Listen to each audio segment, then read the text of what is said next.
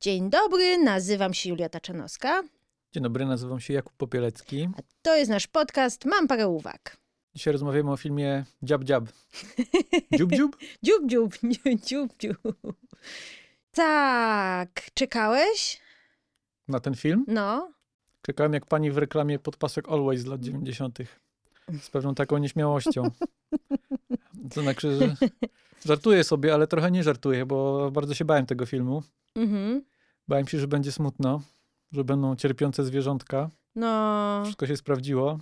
Na szczęście, uwaga, spoiler. To jest, podcast jest dla ludzi, którzy obejrzeli film. Mam Mhm. nadzieję, że obejrzeliście ten film, bo myślę, że warto. Na szczęście Rocket nie umarł. To była rzecz, której się najbardziej bałem. Że, że umrze? Tego bym nie zniósł. O nie. O Ale nie, nie ale było blisko. Było blisko. Nie, no to wiadomo, że to jest ostatni film Jamesa Gana dla MCU. On odchodzi do DC teraz. Mhm. Więc ja powiem szczerze, ja się trochę bałam, że on jakąś popylinę tutaj odwali. W sensie, że już jest głową gdzie indziej, już ma coś innego na myśli. Nie, ten scenariusz był napisany 3 lata temu, więc Ja czemu miałby? Wiem, ale i tak, wiesz, wiesz, no, aktorzy też już ile, ile razy można grać te postacie i tak dalej. Jak jest jakaś schyłkowa sytuacja, no to ludziom często się po prostu nie chce, czy coś, no. Mhm. Szczególnie, że ten ostatni przelot Marvelowych filmów był straszny i ja już zresztą zapraszam do naszych podcastów o, o, o tych filmach. Nie jestem specjalnie entuzjastycznie e, nastawiona do Marvela teraz. I wydaje mi się, że też większość ludzi nie była, bo tak jak się pytamy różnych, Nie widzieli. nie widzieli. Właśnie teraz ja nawet spojrzałem, y, Mhm. bardzo byłem ciekaw, co ludzie myślą o tym Mhm. filmie i często przez weekend spoglądałem, pierwszy weekend po premierze, spoglądałem na tę zakładkę oceny krytyków na Mhm. Filmwebie, oceny znajomych i bardzo mało krytyków oceniło ten film przez, Tak. przez ten weekend, tam bodajże 10 osób i sobie myślę, że to faktycznie trochę tak jest, że ludziom się nawet nie chce dać szansy temu filmowi, a potem ktoś może mu dać szansę i jakby nie zauważyć, jak dobry to jest film. Mm. Mówię nawet o sobie w tym wypadku. Widziałem go dwa razy. Za pierwszym razem podobał mi się bardzo. Z pewnymi zastrzeżeniami. Mhm. A po drugim razie ja uważam, że to jest jeden z najlepszych filmów Marvela. Nie powiem najlepszy, bo to może Aha. byłoby szaleństwem, ale w top 5 absolutnie bym go umieścił. No, dobry film. Dobry film. Ja już po pierwszym seansie y, myślałam, że to jest po prostu jeden z fajniejszych Marveli. Nie, nie w ogóle ostatnio, tylko w ogóle po prostu. Jakiś taki idealny balans ten film dla mnie osiągnął. Balans wzruszeń, humoru, rozrywki. Były fajne sceny akcji, Mhm. jakby emocjonalne, jakiś po prostu ciężar. Każdy y, z bohaterów dostał coś do zagrania. Chemia Mhm. między nimi była świetna. I oczywiście, rzeczywiście, możemy, po, za chwilę pewnie będziemy tam analizować, że o, czy te sceny są potrzebne, czy to jest potrzebne, żeby to było Tak. aż takie długie, Tak. czy Adam Warlock jest potrzebny i tak dalej. Ja naprawdę byłam bardzo zdziwiona, że wiele osób, właśnie wiele krytyków, że się, jak się patrzy na przykład na Rotten Tomatoes, Mhm. to oceny widzów są dużo wyższe niż oceny krytyków, co Aha. jest dla mnie też zaskakujące. Ale to też ci pokazuje kwestię kontekstu, bo krytycy, Mhm. krytycy muszą oglądać te filmy i czasem jak coś musisz robić, a nie chcesz, to, to, to czuć to w twojej ocenie, tak sobie Mhm. myślę. To raz. Dwa, jest też taki efekt y, może znajomości, może tak to, tak to nazwę. W takim sensie, że nie ma efektu wow, nie ma efektu zaskoczenia, bo widzieliśmy te postacie już w pięciu filmach co najmniej. Więc Tak, ale zawsze jest fajnie patrzeć się na ich chemię, prawda? To fajnie, są... ale chodzi mi o to, że to, Mhm. to są takie rzeczy, które mogą komuś utrudnić Mhm. dostrzeżenie Okej. jak bardzo to jest dobry film, jak wiele rzeczy się tutaj udaje. Bo, bo największym osiągnięciem jest, wydaje mi się, to, co ty powiedziałaś teraz, zasygnalizowałaś ten Mhm. wątek, że ten film ma tyle różnych smaków Tak. i James Gunn po prostu jak marionetkami nami zarządza, że teraz się śmiejesz, a teraz płaczesz, a teraz masz scenę akcji, a teraz znowu się śmiejesz, a teraz znowu płaczesz. Tak, tak. I to wszystko działa razem. I, Tak. I co więcej, to jest, to jest film, w którym mu się udaje udźwignąć takie rzeczy, które w każdym innym normalnym filmie jakby przewracałabyś oczami, jakbyś zobaczyła Mhm. coś takiego. Myślę na przykład o nawiązaniu do stworzenia Adama Michała Anioła. Mhm. No tak. Albo on, nie wiem, o tym, że pod, pod, koniec, pod koniec filmu w zasadzie Strażnicy Galaktyki budują Arkę Noego. Więc to jest film, w którym masz Mhm. metaforę z, ze sklepienia z kaplicy sykstyńskiej, a potem masz metaforę Arki Noego, Mhm. a potem masz nawiązania do Odysei Kosmicznej Stanleya Kubricka. I to wszystko działa. No, Kro- Cronenberg jest Cronenberg tam, jeszcze tak. Toy Story, te zabawki tego sąsiada, creepy sąsiada dziecka, Mm, Sid. prawda? Seed, tak. It Johna Carpentera. Nie, The Thing, przepraszam, Mhm. co It. To. Nie, Coś. coś. Sorry. Co, coś Johna Carpentera. Coś, ale co? Johna Carpentera coś. The Thing. Ale, bo ja jeszcze na przykład też sobie pomyślałam, że tam jest całe mnóstwo też do Ricka, z Ricka i Mortiego wzięte. Przecież to całe, e, jak się nazywa ta, ta, to laboratorium, do którego oni tam trafiają. Z... Mówisz o mięsnej, Mięsny. mięsnej, mięsnym kosmodromie? Mie- Mięsny kosmodrom. Przecież to jest jak z Ricka i Mortiego. I tak sobie myślałam o tym w kontekście właśnie Quantum, Quantumanii i Mhm. Ant-Mana i, i już nawet nie pamiętam, jaki jest pełny tytuł tego. No, tego ostatniego Ant-Mana, co był. Z E, grubsza, z, grub, z grubsza trafiłaś w Z tytuł. grubsza trafiłam. Y, Kwa- Quantumania tam na pewno była. No i właśnie się mówiło, że to scenarzysta Ricka i Mortiego pisał między innymi i że to takie właśnie estetyka i tak dalej. Tak mam wrażenie, że gdzie to w ogóle, gdzie to postawić do czego? Jakby z czym to porównujesz? Że tu masz po prostu tą wyobraźnię Jamesa Gana, który od zawsze nam serwował różne dziwne stworki Mhm. e, i od zawsze nam dziw, jakieś dziwne miejsca, dziwne planety, przecież ta cała planeta Igo, no to przecież ta, ta wizualna wyobraźnia jest też taka niesamowita u niego. Chociaż to jest, ja już wydaje mi się, o jednej rzeczy trzeba powiedzieć, Mhm. bo mówimy James Gunn, James Gunn, tralala, James Gunn. I oczywiście osiągnięcia Jamesa Gunna są wielkie i wspaniałe w, w tym filmie i, i, i w- ogóle, myślę. Chociaż druga część to tak gorzej Nie, nie. Strażników. Pewnie o tym powiemy przy Mhm. okazji. Ale mm, ostatnio gdzieś, mm, y, gdzieś zauważyłem wspomnienie, że pierwszą część Strażników Galaktyki napisał nie sam James Gunn. Mhm. I wydaje mi się, Nicole Perlman, tak się Mhm. nazywa ta pani, wydaje mi się, że trzeba o niej powiedzieć w takim sensie, że bez niej nie byłoby tego filmu, bez niej nie byłoby tej serii, bo to było jeszcze w, w, w wczesnej fazie Mhm. Marvela, jeszcze przed Avengers. Marvel miał taki program, program dla scenarzystów, którzy rozwijali różne projekty i Mhm. chyba zatrudnili bodajże pięcioro scenarzystów, którzy, którzy mówili, powiedzieli, wybierzcie sobie postacie i piszcie. Mhm. I może coś z tego wyjdzie. Bierzcie i piszcie, Może tak? coś z tego nie da, tak, jak Jezus, tak, dokładnie tak. Kevin, Kevin Feige przyszedł jak Jezus w czapce i powiedział: rozmnażajcie się, rozmnażajcie nasze pieniądze. No i w tym wypadku akurat się udało, bo Nicole Perman wybrała sobie tych strażników. Mhm. Tam podobno pisała to 5 lat. Projekt Mhm. przeszedł 800 różnych permutacji z różnymi wariantami składu, różnymi wariantami fabuły, różnymi wariantami czarnych charakterów.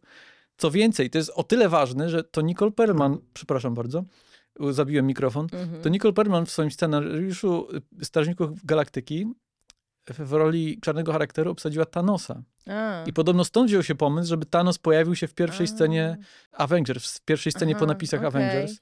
Czyli wychodzi na to, że to jest, to jest naj, naj, największa szara eminencja w historii Niepisana MCU. bohaterka. Nicole Perman. Y, Mhm.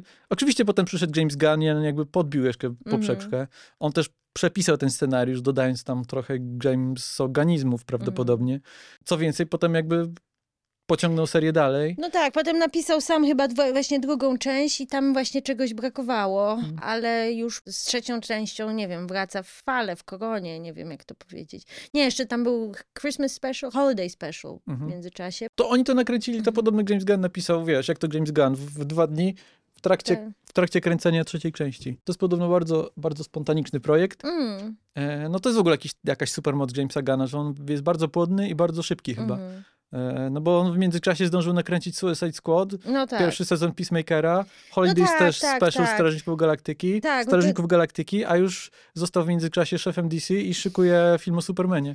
Powinnam była bardziej w niego wierzyć, e, bo jednak rzeczywiście te ostatnie filmy, produkcje, które on nam pokazywał, były wszystkie super, wszy- wszystkie mi się super podobały i Suicide Squad i Peacemaker przecież świetne.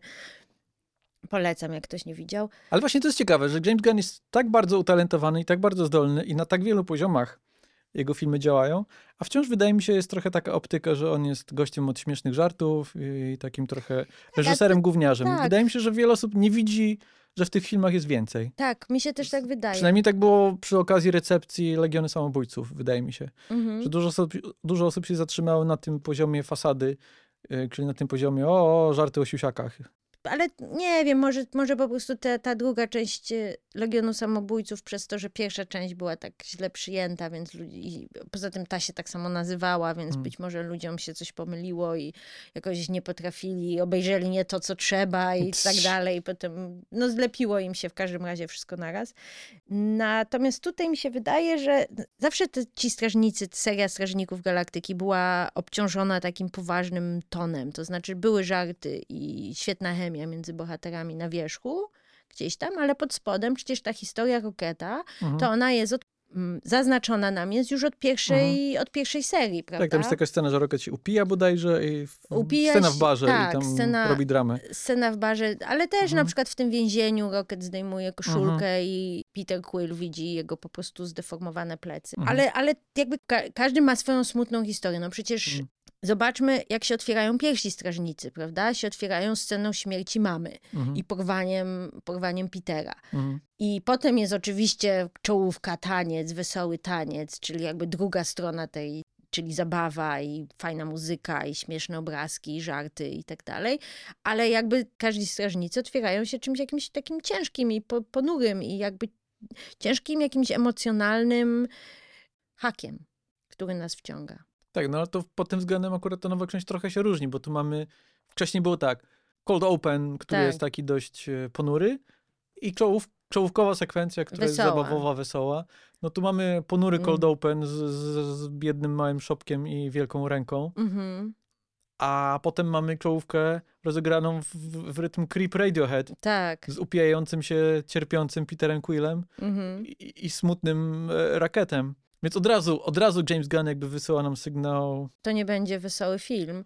chociaż jest wesoły film. Jest wesoły film. A druga, no jest wesoły film, ale też rzeczywiście ta otwierająca sekwencja, no bo prawda, mamy, no tak jak już powiedziałeś, smutno podśpiewującego Roketa i pi- pijanego Petera, Mhm. e, a potem pojawia się Black, A- Black Adam, kurde, Adam Warlock, Golden, Adam. Golden Adam. Gold Adam. E, e, tak, pojawia się e, Adam War- Warlock, który po prostu roz... Chciałam użyć mocniejszego słowa, ale w każdym razie pobija wszystkich bardzo, bardzo mocno. Mhm. I to było też dla mnie wielkim szokiem, jak to oglądałam, bo myślę sobie, kurde, to jest naprawdę brutalne. To znaczy, to nie jest... Nie, nie widziałam w filmie, w filmie Marvela podobnie brutalnych scen, mimo że nic w sumie nie jest jakiegoś specjalnie pokazanego tam. W sensie nie ma krwi, nie ma, ale, ale ta intensywność jakby tych scen i, i właśnie ten emocjonalny też bagaż, jaki za tym idzie, jest po prostu przejeżdżający. Jest też to oczekiwanie, że tak jak wcześniej mówiliśmy, że zakończenie trylogii, więc Mhm. może postacie będą ginąć. Wydaje mi się, że są co najmniej dwa albo trzy momenty takie, w których myślisz, że może to Drax właśnie teraz zginie. Tak, czy Nebula, czy tak, Czy nie mówiąc już o Rokecie. Rokecie. tak. I faktycznie jest coś takiego, że w tym filmie Ganowi Marvel pozwala chyba na trochę więcej. No więcej Mhm. niż komukolwiek dotychczas pozwolił pod względem intensywności Wszystkiego. wsz- wszystkiego, ale też mówię zwłaszcza o intensywności rzeczy, które są pokazywane. Mhm. Bo z jednej strony przemoc, z drugiej strony takie bardzo graficzne, dosadne obrazy. No mówię chociażby o scenie, kiedy e, wielki ewolucjonista ma zdartą twarz i widzimy jego twarz. No, Albo też scenę, kiedy Peter Quill nożykiem do tapet wyjmuje komuś z głowy ten, ten Tak. taki dysk. Zresztą sposób, w jaki zabijają tego człowieka też jest dość okrutny, powiedziałbym. Tak. Z tym wyskoczeniem przez okno i wylądowaniem na jego głowie. No nie mówiąc już o sekwencjach e, z Roketem. No sekwencje z Rokietem są straszne. Ja byłam naprawdę przerażona, że on, że zostanie nam pokazana dużo więcej jakichś takich graficznych jakby obrazków, ale to, co było pokazane i tak było okropne, bo to jest jakby nasza wyobraźnia, jest takie zbliżenie na oko, prawda? I widzimy nożyk, i widzimy tatuowany numerku i to wszystko jest w takich zbliżeniach i ty jakby wiesz, co się tam dzieje. Jakby twoja wyobraźnia podsuwa dużo gorsze obrazki niż, niż James Gunn nam serwuje, Mhm. ale to też jest jakby takie, no nie wiem, chciałam powiedzieć super, no jakby świetne budowanie jakiejś takiej grozy. To możemy od, od tego zacząć, faktycznie, może od tego Roketa. No. Zacząć, zaczęliśmy 15 minut temu. Jak to jest w ogóle ciekawe, to w, paru momentach naszej rozmowy będę pokazywał przykłady, jak można coś było zrobić źle. Jak w Mhm. innych filmach albo serialach robią coś podobnego, ale, ale źle. Mhm. I, I zacznę od tego, że genezę Roketa dostajemy dopiero na etapie trzeciego filmu. I tak jak mówisz, wcześniej były oczywiście sygnały, jakieś e, przebłyski, że może tutaj coś ten, jakaś tajemnica, wiemy, że jakaś tragiczna historia, ale to nie było powiedziane. Jakby poznaliśmy Roketa jako Roketa z takim jakby tylko, z taką sugestią, że coś tam jest więcej.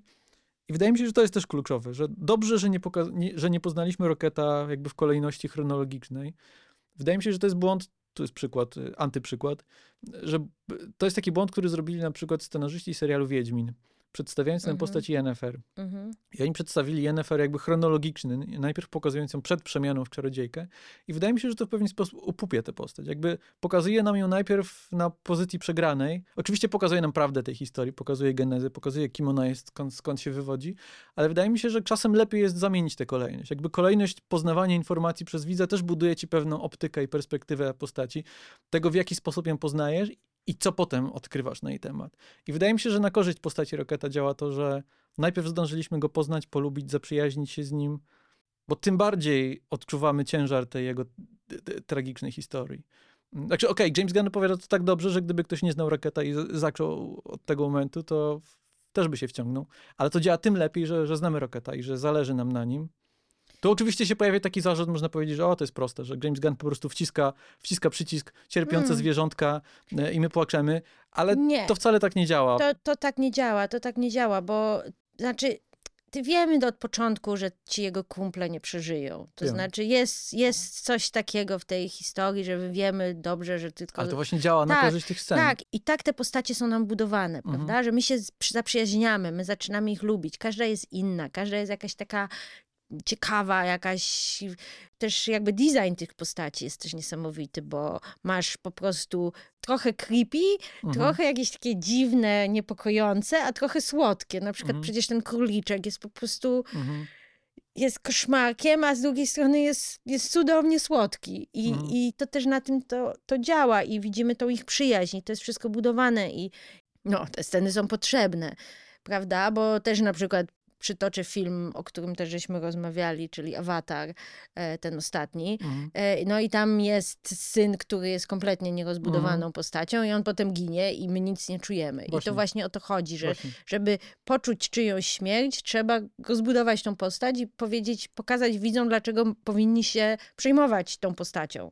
To się okazuje, że nie trzeba wcale tak wiele. Nie trzeba. James Gunn ma dwie dwie i pół godziny, zanim zabije syna, i tak nie wystarcza. A Cameron. James Gunn, przepraszam, James Cameron. Tak.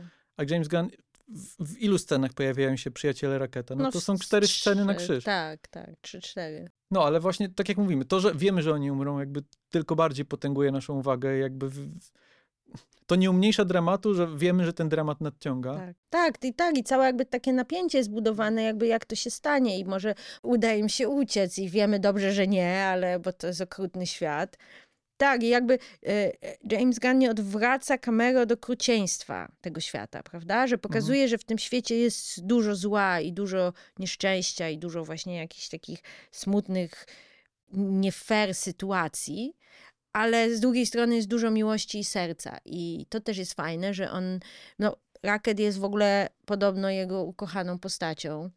I rzeczywiście można powiedzieć, że tak jak te dwa poprzednie filmy, to były filmy Petera Quilla, prawda?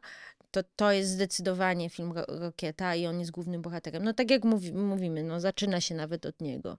Ale też y, on jest po prostu najlepszą postacią, myślę, ze Strażniką Galaktyki. On jest, jest najbardziej, najciekawszy, jest najbardziej dynamiczną postacią. Jakby też już sam stosunek wzrostu do charakteru.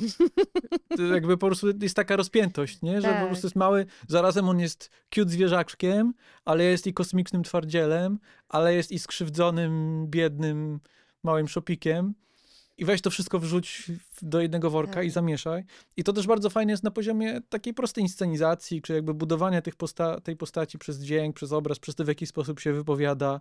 No na przykład Mały Rocket, to, że mówi takim cienkim głosikiem i że śmiesznego języka używa, że przekręca Tak. słowa.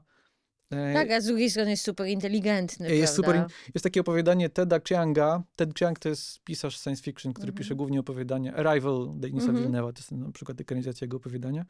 Life Cycle of Software Objects, ono się nazywa. Mhm. I to jest opowieść o kobiecie, która wychowuje takiego jakiegoś wirtualnego zwierzaczka, takie jakby. To jest jakby o sztucznej inteligencji. Mhm. Ale ten zwierzaczek to jest trochę tak jak zwie...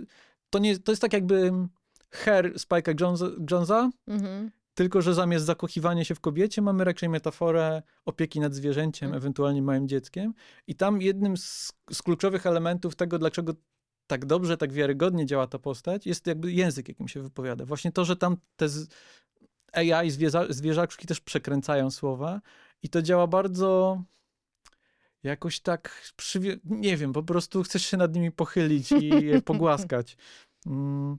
Też oczywiście komiks We Free Granta Morrisona jest bardzo dobrym kontekstem. To jest taka opowieść o trzech zwierzakach, które są wykorzystane w militarnych eksperymentach i zamienione w bronię, w, w, w broń do zabijania i one się w którymś momencie uwalniają. I to jest pies, kot i królik. Mhm. I, I to jest, tylko na chwilę powiem o co chodzi, bo to jest rewelacyjnie, są opisane jakby charaktery tych postaci. Gdzie pies jest najinteligentniejszy z tego grona, ale on jest cały czas zafiksowany na tym, żeby być dobrym psem, żeby pomagać ludziom i on bardzo chce być taki społeczny.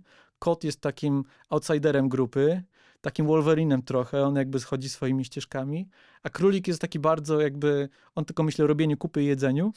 Nawet do tego stopnia, że jednym, jedną z broni w jego arsenale jest to, że on zostawi takie bomby, jak, bob, jak małe bobki. O, I to jest jeden z najbardziej wzruszających komiksów, jakie istnieją. O. We Free, Grant Morrison, Frank Whiteley, powtarzam. E, I to też jest kontekst, który ja, to nie tak, że ja sobie coś wymyśliłem, bo James Gunn powtarzał w jakichś tam wywiadach, że to jest jeden z jego ulubionych komiksów, a nawet myślał nad ekranizacją jego.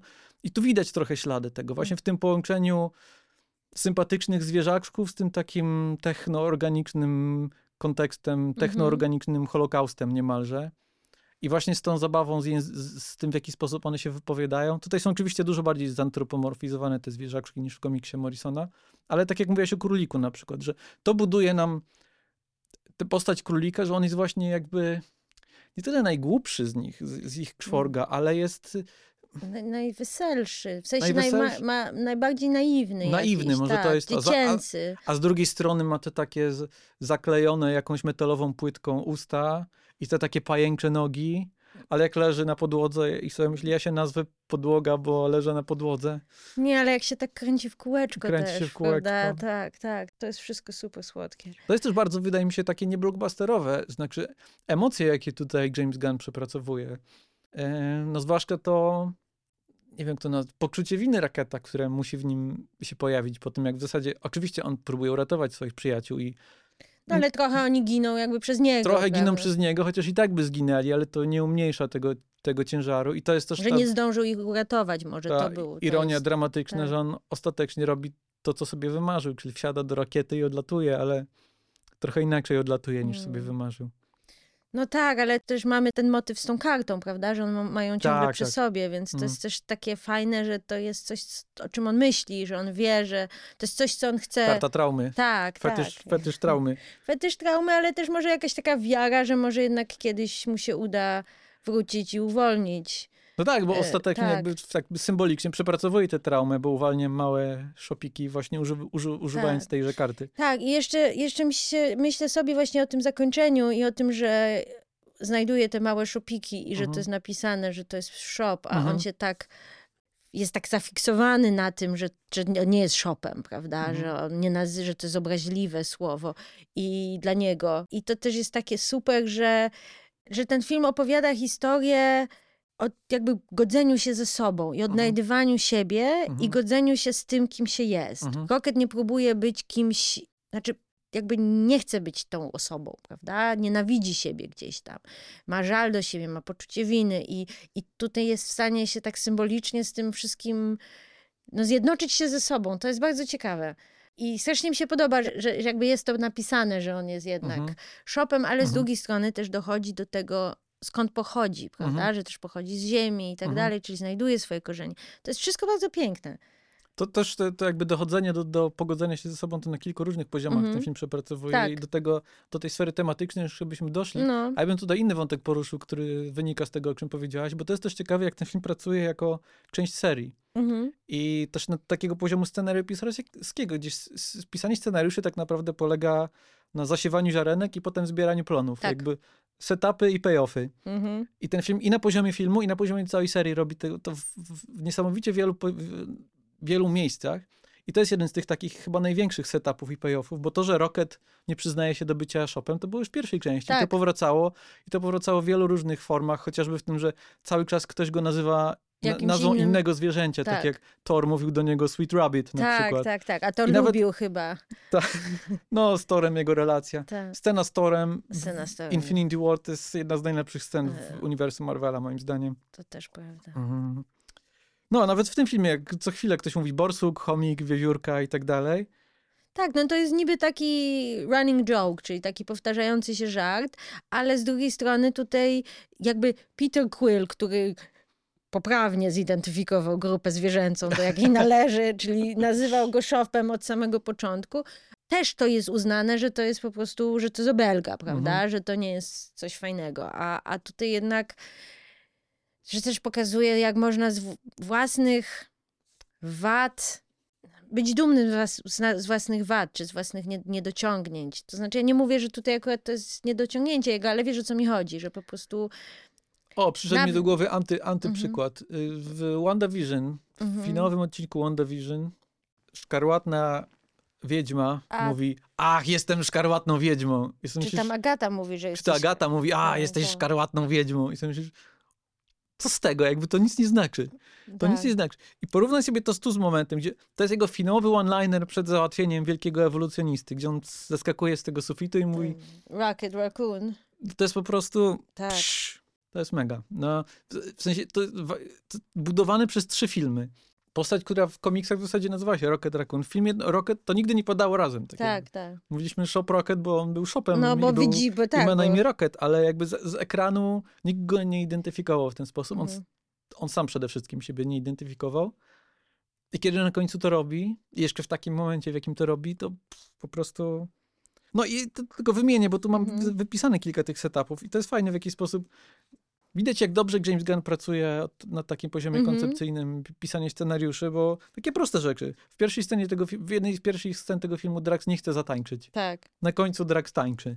No Jakby nie, i w co- ogóle cały, cały motyw, że Drax nie chce tańczyć przez całe, że Mhm. powiada, że Tańczą e, głupki. czy Tak, tańczą głupki, że w drugiej części mówi, że dlaczego Peter i Gomora do siebie nie pasują, bo Mhm. Gom- Peter jest głupkiem, który tańczy, a Gomora jest ko- poważną kobietą, która nie tańczy i tam opowiada, że on strasznie mu się podobała jego żona, bo ona w ogóle nie chciała tańczyć, prawda? Mhm.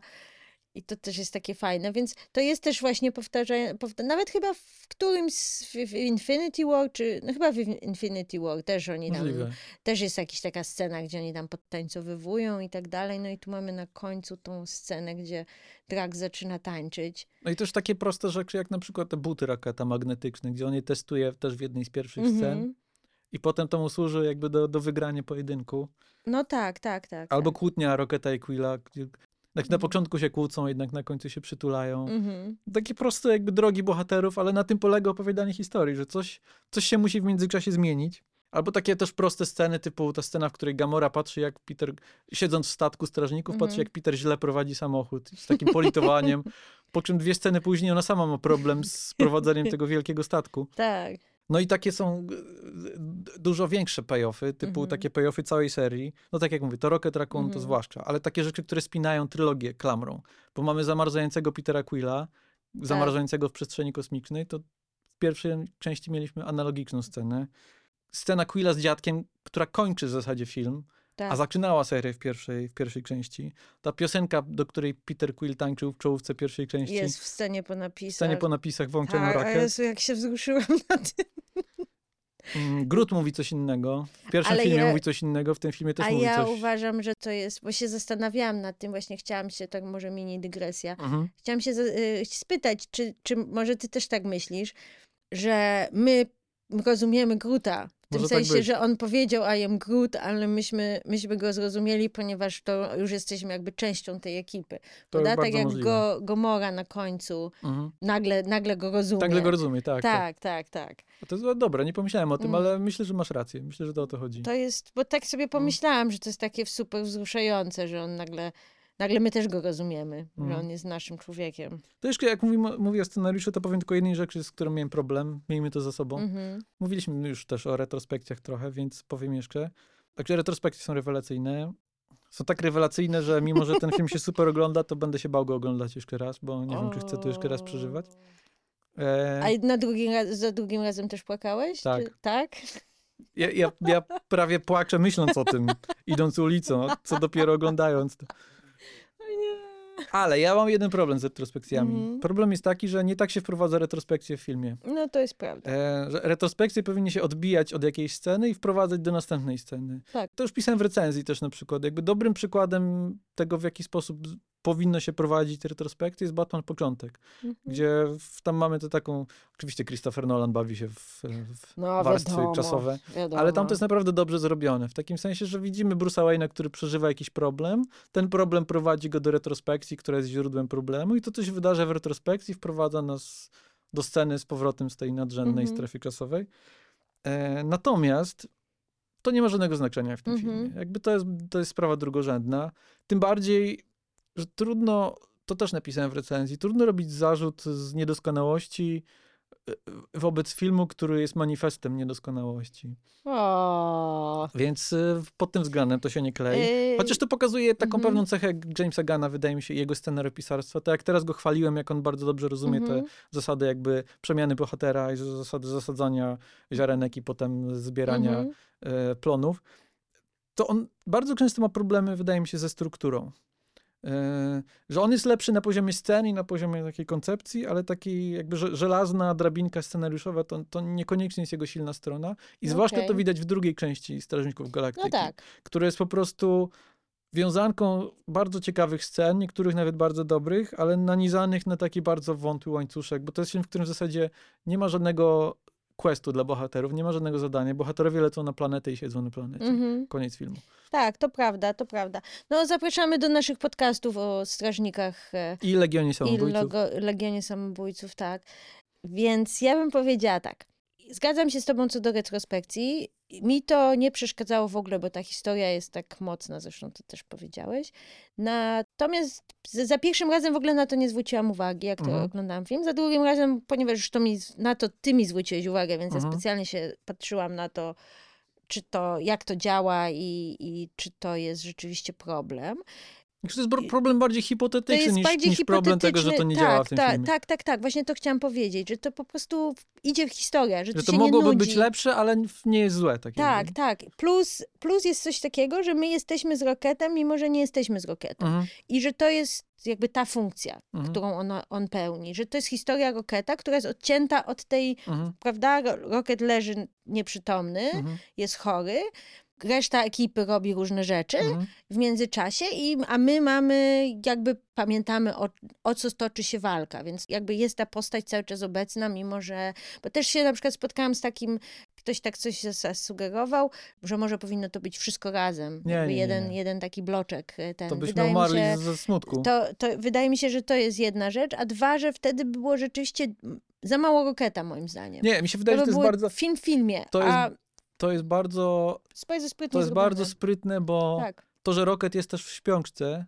to on jakby nie zabiera miejsca w, w tej warstwie Dokładnie, dokładnie. tego, co dzieje się Tak. jakby na bieżąco. Jest miejsce dlatego, żeby każdy z nich bohaterów miał coś do zrobienia dla Mhm. siebie, podczas gdy Rocket jest wyłączony, bo on istnieje tylko w sekwencjach retrospekcji. No a potem sekwencje retrospekcji się kończą, Rocket się budzi i dołącza do drużyny, więc Tak. pod tym względem to jest super zrobione. Mi raczej chodzi po prostu o taki, tak żeby te tkanki jakby fabularne były lepiej Tkanki. połączone, bo to, to nie musi tkanki, tak. E, ale może to taki jakby mój własny, wewnętrzny, Mhm. wielki ewolucjonista przemawia. A. czasem chcę, żeby coś było doskonałe. Nie no, wiesz, Bo możesz... są jeszcze, jeszcze, no. tylko jeszcze powiem to, że to, bo to nie zawsze musi być tak jak Batman Początek, to jest przykład, który podałem, gdzie to musi Mm. wprost jakby przepracowywać ten sam, ten sam problem. Czasem można na to połączyć na takiej zasadzie, jak Alan Moore robi w, chociażby w komiksie Strażnicy, gdzie to jest po prostu taki na haka, Mhm. czyli jest jakieś skojarzenie wizualne i przenosimy się. Zbliżenie na but Petera Quilla, Bach, zbliżenie na but Rocketa i jesteśmy już w innej przestrzeni czasowej.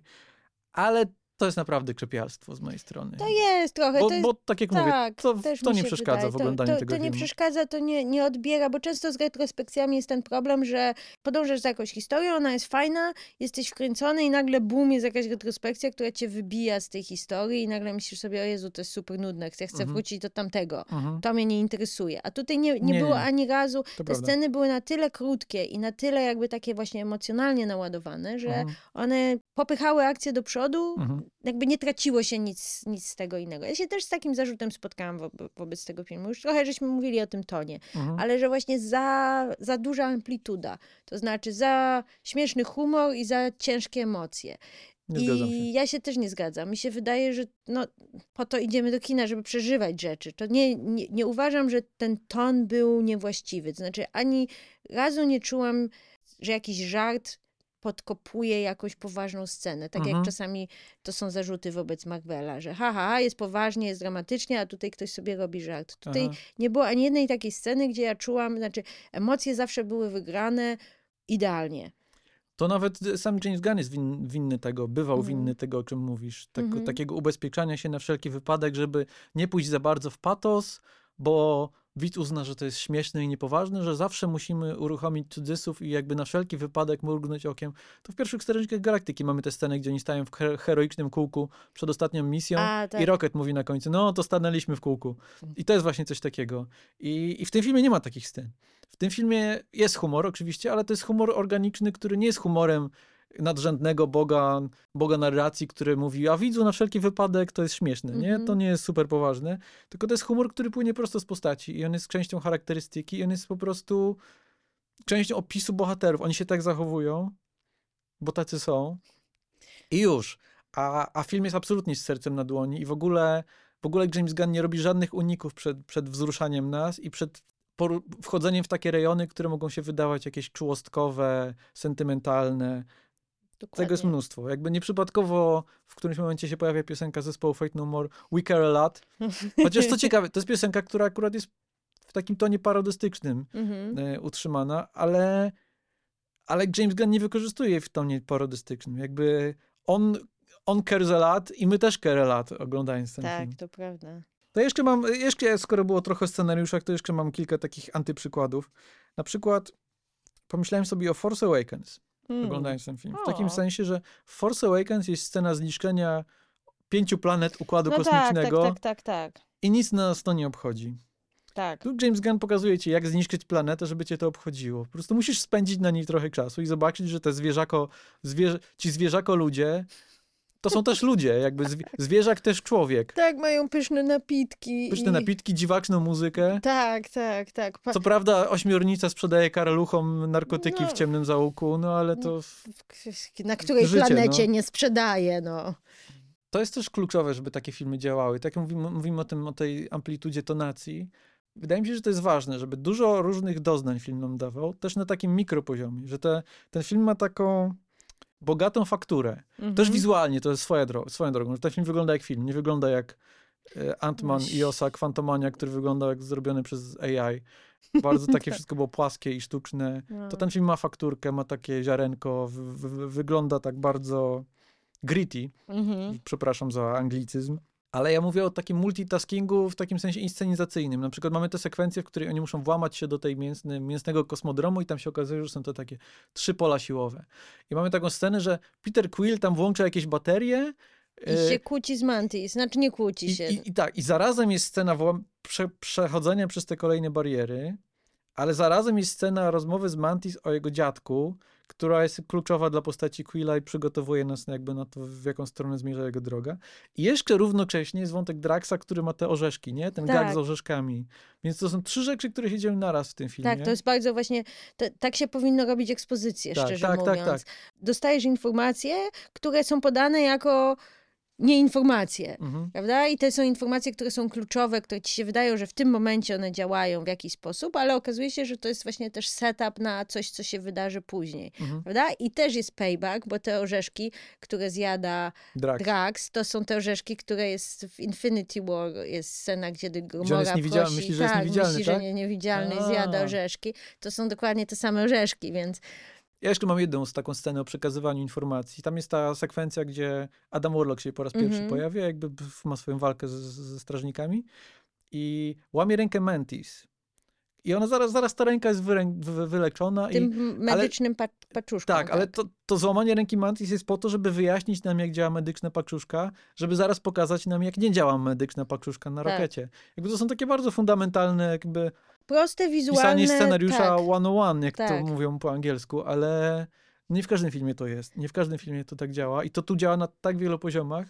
Potem się to tak dobrze ogląda właśnie dzięki temu. No tak, tak, ale to same, ca, całe złamanie ręki Mantis jest też takie właśnie super brutalne. To Mhm. też Tak, tak. nawiązuje do tego, co powiedziałam wcześniej, że, że prawda, ta cała scena bójki jest taka okropna. No i Mhm. tutaj właśnie Drax dostaje, Mhm. ne Nebula dostaje, Mantis ma złamaną rękę, którą sobie od, od razu naprawia i tak dalej.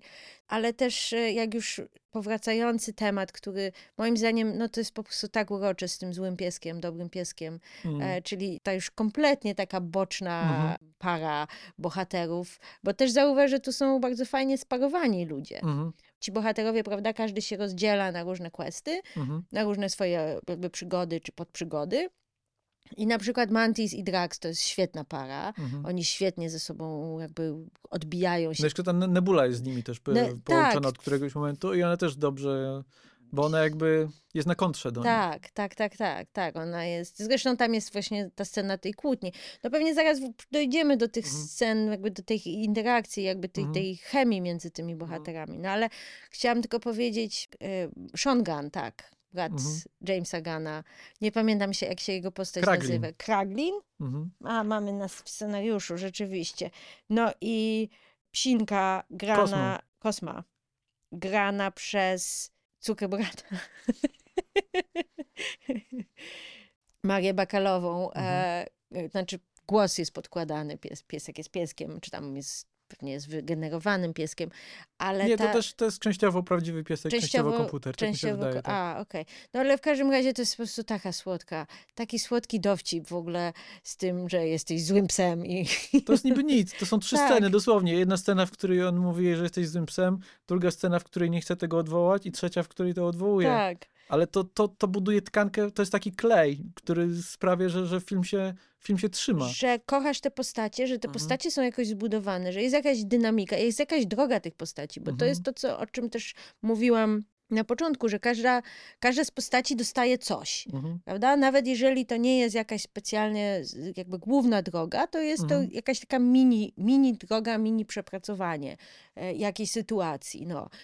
Rocket przepracowuje swoją sytuację. No Peter jakby zamyka swój, swoją, prawda, traumatyczną drogę też, prawda, z powrotem do dziadka. Mhm. Fajna jest ta relacja między, Mhm. między Gomorą a Peterem, to też pewnie do tego przejdziemy. E, No i Mantis, która jest, jakby to jest też jedna z głównych No to jest fajne, że Mantis, która dotychczas była trochę taką postacią trzecioplanową, tak jak ona tu nawet mówi, że a, wcześniej robiłam to, co chciał Ego, a potem robiłam to, co chcą strażnicy. I trochę tak było, że ona była w zasadzie żartem, była No. trochę takim comic reliefem. I super, ale tu się okazuje nagle, że ona ma więcej do przekazania. Ona w zasadzie dźwiga tematyczny ciężar tego Tak. filmu, ona wygłasza, wygłasza Mm. motto.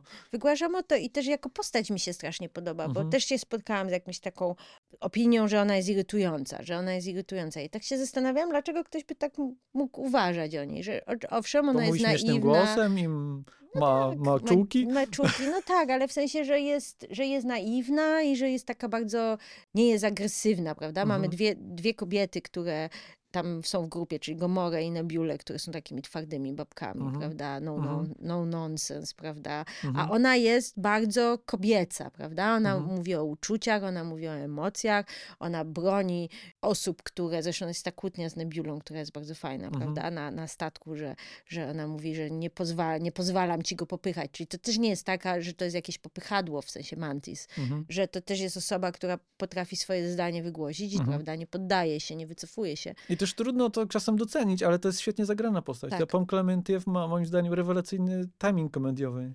Tak. Także to jest taka bardzo, bardzo kuriozalna rola w zasadzie, ale działa mimo to. Ona cały czas robi jakieś dziwne rzeczy z twarzą, dziwnym głosem mówi, dzi dziwnie się zachowuje. Na przykład jest ta scena, gdzie oni w przestrzeni kosmicznej dryfują w tych swoich A i ona się odbija. I ona się odbija i ona tak jakoś właśnie zawsze dziwnie, do góry nogami.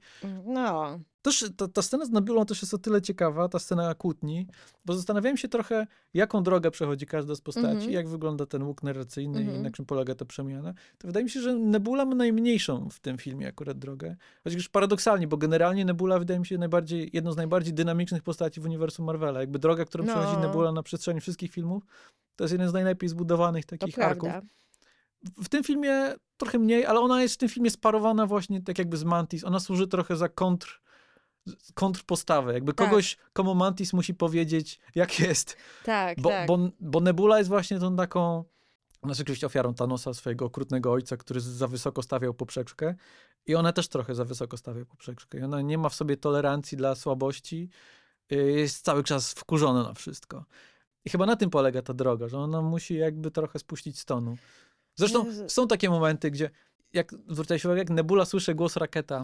No właśnie to chciałam powiedzieć. To jest scena, która po prostu to, to właśnie sobie o niej pomyślałam, aż mi się kolana ugięły z emocji, bo to jest ta scena, w której puszczają jej gdzieś, gdzieś y, emocje. I też sobie, jak sobie pomyślisz, że to były jedyne osoby z ekipy, które przeżyły pstryknięcie Thanosa. W sensie, Mm. że oni spędzili A. ze sobą dużo więcej czasu, Nebula i Ro- Rocket, prawda? I Ona o- też w którymś momencie mówi, że on jej załatwił tam usprawnienia ręki. tak, tak, tak. To jest też e, fajne. Wiesz, też mam takie poczucie, że oni mają też bardzo silną więź i też jakby przez to, że są byli e, zbudowani, prawda, Mhm. i sklejeni z różnych części, że też mają jakby swoje połączenie, które co prawda w tym filmie nie, nie jest jakoś specjalnie wygrane, w sensie, że jest wygrane, bo wszyscy, wszystkim zależy Mhm. na tym, żeby Rocket przeżył, ale tak, tak jakby gdzieś tam jakby intelek- intelektualnie o tym myślę, że Zresztą jest też ten moment, że oni oglądają te dane, ten zapis jakby operacji na Rokecie Mhm. i Nebula mówi, o to nawet Gorzej gorsze niż to, co zrobił mi mój ojciec. Mhm. I to, to gdzieś tam pracuje, oczywiście. To może skoro postacie e, i ojciec, e, kwestia złych rodziców, to może Adam Warlock. Adam Warlock. To jest postać, która myślę, że wiele, osób, wiele osób może zawieść. Osoby, które znają Warlocka z komiksów, który jest takim kosmicznym Jezusem i taki jest bardzo heroiczny i w zasadzie nudny. Mhm.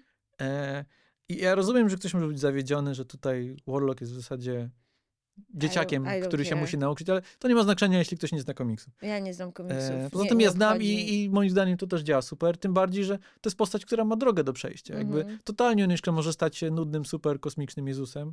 Po prostu musi się czegoś nauczyć jeszcze, musi poznać życie i jakby wszedł na tę drogę właśnie. Mm. Tak, ja, ja, ja go nie znam z komiksów, nic mnie on nie obchodził. Wi- Will Porter był super fajny Mhm. e, w tej roli. Też trochę był groźny, ale potem był trochę śmieszny i potem na końcu naprawdę go lubisz. Więc ja, Mhm. mi się wydaje, że ta postać jest bardzo dobrze zbudowana i też się spotkałam z takimi opiniami, że on jest niepotrzebny w tym filmie, że, o, że on został doklejony do tego filmu tylko dlatego, żeby zamknąć wątek, prawda, z drugiej części, że Aisha go zbudowała i że jest coś takiego i że, prawda, że, że jakby został nam on, on obiecany, a nie, nie została jakby spełniona ta e, obietnica, e, więc dlatego go tam wstawili, żeby, żeby coś się działo.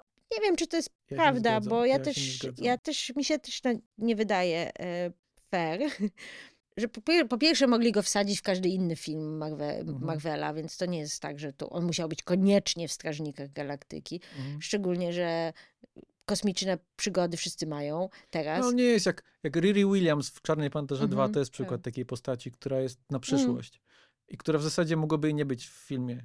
Zresztą chyba nawet Tak. w naszym podcaście ja wymyślam Tak. scenariusz filmu, w którym nie ma Riri Williams Tak, i tak, tak. wydaje mi się, sorry, że to Dużo jest lepszy. dużo lepsza wersja tamtego filmu. A tutaj Adam Warlock jest absolutnie postacią, która pracuje tematycznie. Mhm. On jest kimś z zewnątrz, kogo strażnicy przekonują do swojej filozofii. Jakby on pokazuje, że podejście do życia strażników działa. Mhm. Tak mi się wydaje. I to też ten wątek o, toksycznych ojców, toksycznych matek, gdzie mamy Thanosa, mamy Ego, mamy Ajeszę, mamy wielkiego ewolucjonistę, to, to wszystko pracuje na siebie nawzajem. No i mamy ten temat y, no, wychowania też w pewnym sensie. To, to jest film o dzie, dzieciach złych rodziców, które uczą Tak. się odnajdywać, Odnajdywać inną drogę. siebie. Może alternatywną Tak. rodzinę, ale jakąś rodzinę. Ale tak, tak, tak. I on jest kolejną taką postacią. Nie, nieprzypadkowo dołącza do, do strażników na końcu. Tak, to też jest, jak się patrzysz jakby na tematykę rodziny, Bo chyba James Gunn bardzo lubi y, tematykę właśnie rodziny, która nie... Y, dobierania sobie swojej rodziny, że rodzina... Rodzina i zwierzątka. To Rodzina... rodzina, zwierzątka i żarty o przyrodzeniu. Z James Gunn w pigułce. W każdym, ra... w każdym razie, tak jak masz pierwszy film, który jest takim filmem o tym, że okej, możesz sobie wybrać swoją rodzinę. Mhm. Drugi film jest o tym, że trzeba przepracować swoje traumy związane z, rodzi- z rodziną, Mhm. z, z toksyczną rodziną. A trzeci jest, że po prostu czasami trzeba znaleźć swoją drogę i czasami trzeba opuścić rodzinę i Mhm. pójść gdzieś dalej, zobaczyć Mhm. coś innego. I to też jest bardzo zdrowe. Prawda? Że nie, nie zawsze siedzenie w jakby w jednej Mhm. sytuacji zawsze jest potrzebne. I to nas prowadzi do Gamory. Mm. To jest, to jest chyba, zdziwiło mnie to, ale tak jak czytam komentarze, widzę, że to jest jeden z najbardziej kontrowersyjnych elementów Że tego ludzie filmu. są smutni z Że tego. ludzie są zawiedzeni, że to jest nie ta Gamora, że to jest bez sensu i okej, zgodzę się o tyle, że James Gunn w pewnym sensie jest ofiarą tego, jak działają komiksowe uniwersa.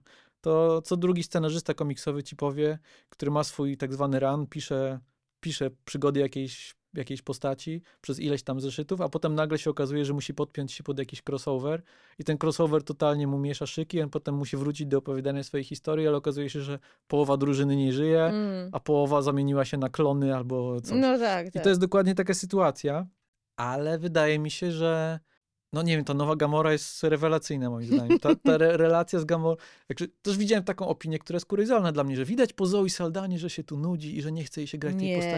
Nie, Moim zdaniem to jest nie. najlepiej zagrana przez Zoe Saldanę rolę, rola w jej karierze być może. Nie, moim zdaniem jest właśnie ekstra, że ona jakby nabrała nowych skrzydeł, no bo ile Mhm. razy można grać tą samą No postać, właśnie. a tutaj ona gra tą samą postać, ale inną wersję tej samej postaci. Mhm. Moim zdaniem to super wypada. Ja nie lubię takich tropów filmowych, że patrzą na siebie i się zakochują Mhm. od pierwszego wejrzenia. I to, Mhm. co, co mi się podobało w tych pierwszych i drugich zresztą Strażnikach, że ta relacja e, Petera i Gomory była budowana jako Mhm. re, relacja romantyczna. I że to nie było tak, że po pierwszym już jest wszystko okej i po drugim już jest, wiesz, już są parą. Oni są parą dopiero w Infinity War. Tak, ja, to jest ciekawe, bo ja powtarzałem sobie ostatnio dwójkę i mi się Mhm. wydawało, że w dwójce oni już są parą. Nie. Zupełnie nie są parą w Nie, dwójce. i, i właśnie to jest ekstra, że mamy film, w którym po prostu to nie jest tak, że pstrykasz, pstrykasz i już, już wszyscy się znowu Chociaż ktoś zakochują sobie. pstryknął. Ha, ha, ha, ha, ha. że masz jakby inną... No tak, że bohater zdobywa dziewczynę siłą tego, Tak, że jest bohaterem filmu. że jest bohaterem filmu i że jest fajny i tak Mhm. dalej. I ona docenia, że on jest fajny, ale może ona potrzebuje więcej czasu z nim, a może po prostu, wiesz, poszła inną drogą, coś innego stało się dla niej ważne, mimo że widać, że gdzieś tam w środku jest ta, gdzieś tam powiedzmy stara Gomora, bo ona jednak im pomaga, prawda? Na początku jest totalnie, że nie chce, ale Mhm. potem jak przychodzi co do czego, to kompletnie staje po ich stronie i to też jest ekstra. No to jest też fajnie, że widzisz, jak ona jakby jej stosunek do nich się ociepla, że oni Tak. po, powoli w toku filmu zdobywają sobie jej szacunek, że mieli uwagę, ale teraz mają, jak to było? Wiemy, co, wiem o co chodzi. Mm.